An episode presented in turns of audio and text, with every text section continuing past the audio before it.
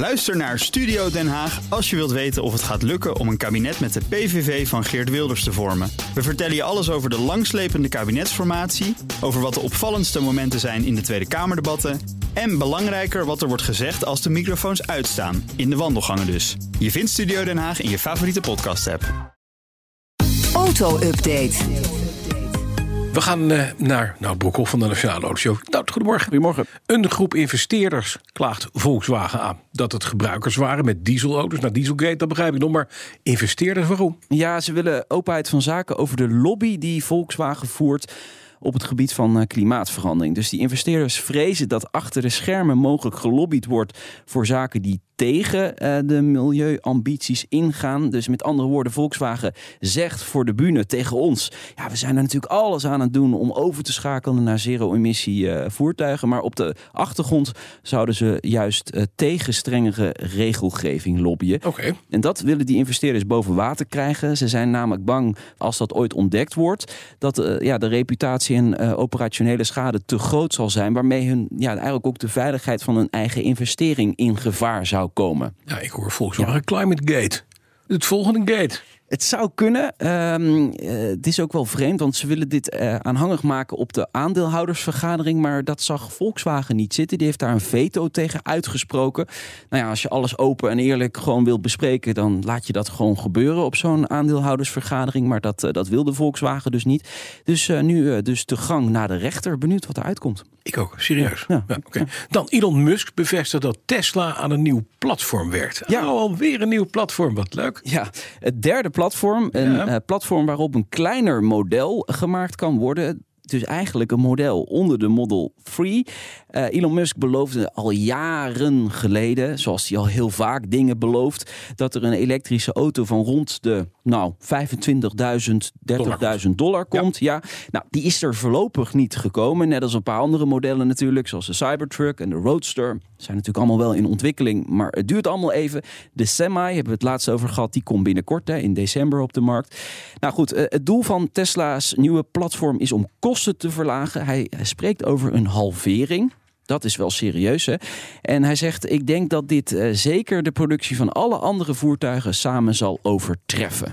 Dus uh, ja, ook op dit moment uh, weten we nog niet heel erg veel, maar benieuwd wat hieruit gaat komen. Een soort Tesla Mini, maar dan ook met een mini bereik, denk ik. Ja, je weet het niet. Ja, je weet, die die nee. technologie gaat ja, wel gaat vooruit. Hè? Ja, ja. Mercedes-Benz heeft een nieuwe verkeersveiligheidsstrategie. Ja, um, in 2050, dus dat is over 18 jaar, nee, 28 jaar. Jeetje, is nog ver weg. Hè? Nou joh.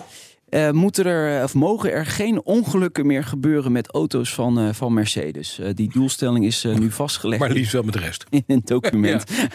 Nee, liefst met geen enkele andere auto. Maar om dat doel te bereiken zet Mercedes vol in op het, de ontwikkeling van nieuwe rijhulpsystemen. Die kunnen ingrijpen als ja, wij een fout dreigen te maken. En uiteraard mm. kijken ze ook naar volledig autonoom rijden. Maar ze geven nee. wel toe dat dat nog heel ver weg is. Ja, dat ja, gaan ze ook ja, nooit meer doen. Dan gaan ze heel langzaam zeggen, hoor, hoor je dit verhaal? Deze, deze, deze storyline begint ja. langzamerhand begint iedereen afscheid te, te nemen van autonoom. Want autonoom is een droom, dat weten we. Ja. Het voor petro, petrolhead te maken. Ja. En dit is weer een nieuwe zet op weg naar dit. We gaan rijhulpsystemen krijgen. Die worden steeds geavanceerder en steeds beter.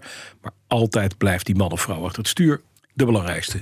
Ik denk dat je volledig gelijk in hebt. Ik denk het ook. Ja, fijn ja, dat je. Het zo fijn om het Niet voor de eerst dat een uh, autofabrikant uh, zo'n doelstelling op het gebied van verkeersveiligheid stelt. En Volvo deed dat al een keer eerder. In 2020 mochten er geen doden uh, meer in of rond een Volvo vallen.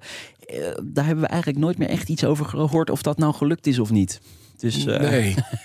het zijn allemaal een beetje doelstellingen voor, voor de bühne natuurlijk. Porsche wil heel graag nog steeds in de Formule 1 stappen. Ja, ja een deal met Red Bull Racing is natuurlijk Zat er niet in? Afgeketst. Nee, ja. omdat Porsche te veel macht uh, wilde hebben binnen uh, Red Bull Racing. Um, maar, maar ze geven dus niet op. De FIA, dat is wel bijzonder, die zegt nu dat het automerk nog steeds bezig is om die intrede in de Formule 1 te bewerkstelligen. Net als uh, zuster Audi natuurlijk, hè, want die hebben al aangekondigd dat ze ja, in de Formule 1 stappen. Ja, ja 2026. Ja, er wordt schijnbaar dus toch nog met verschillende teams gesproken. welke dat zijn, dat wordt natuurlijk niet gezegd. Maar ik denk dat de Formule 1 wel aangelegen is om een, een merk als Porsche binnen te halen. Dus uh, ze ja. willen er alles aan doen. Rusland gaat auto's maken in voormalige Renault-fabriek. Nou, dat is mooi. Ja. Oh, dat zijn auto's die gaan we nooit zien. Nee. En dat is maar goed ook. Nou, dat denk ik ook. Ja, die fabriek in de buurt van Moskou heeft uh, Renault verkocht hè, voor een symbolische ja. roebel. Uh, met een terugkoopgarantie, dat moet ik er wel even bij zeggen. Nou, die Russische overheid is nu uh, van plan om uh, een merk dat al lang vervlogen is, 20 jaar geleden voor het laatst gemaakt. Moskvich. Moskvich, ja. Moskvich weer op de markt te gaan brengen. De eerste 600 auto's moeten in december van de band gaan rollen in die voormalige Renault-fabriek dus. Je kunt je je eigenlijk bijna niet voorstellen. Hè?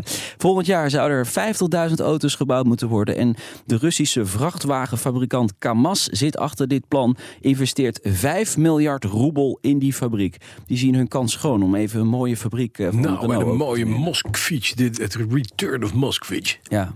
Ook dat gaat heel binnenkort dood, denk ik. Moskvich. Lada ja. was het al. Ja. Lada is, was van Renault, maar ja, mm, nu niet meer. Nee. Over Renault gesproken. Vanmiddag ja. in de autoshow heb je nieuws met Renault. Hè? Ja. Althans, over de designs. We hebben de designbaas van de Renault groep. Dus die, die gaat over alle merken. Niet meer over Lada dus, maar wel over Dacia, over Renault, over Alpine gave conceptcar op, op de autobeurs van Parijs. We gaan het hebben over alle auto's die gedesigned zijn en die op de autobeurs van Parijs deze week het, uh, het levenslicht zagen. Met Laurens van de Akker. Met Laurens van de Akker, de designbaas. chef design, ja, precies. Leuk verhaal hoor. Ja. En hij bleef maar op zijn praatstoel zitten. We hebben bijna een half uur uh, opgenomen. Dus uh, Zo ja, dat kunnen we natuurlijk niet allemaal uitzenden, nee. maar dat vind je dan straks in de podcast terug. Kijk eens wel. Dankjewel naar Boekhoff. Om drie uur de nieuwe aflevering van de Autoshow terug te luisteren via je favoriete podcast hebben. Dan kun je ook vinden Petrolheads. Dat is een voorspellend programma wat al jaren geleden zei dat autonoom een droom is. De auto-update wordt mede mogelijk gemaakt door Leaseplan. Leaseplan. What's next? Ook Hugo Reitsma vind je in de BNR-app. Superhandig die BNR-app. Je kunt alle programma's live luisteren, breaking nieuwsmeldingen. Je blijft op de hoogte van het laatste zakelijke nieuws. En je vindt er alle BNR-podcasts, waaronder natuurlijk de belangrijkste, Boeken zijn in de wijk. Download nu de gratis BNR-app en blijf scherp.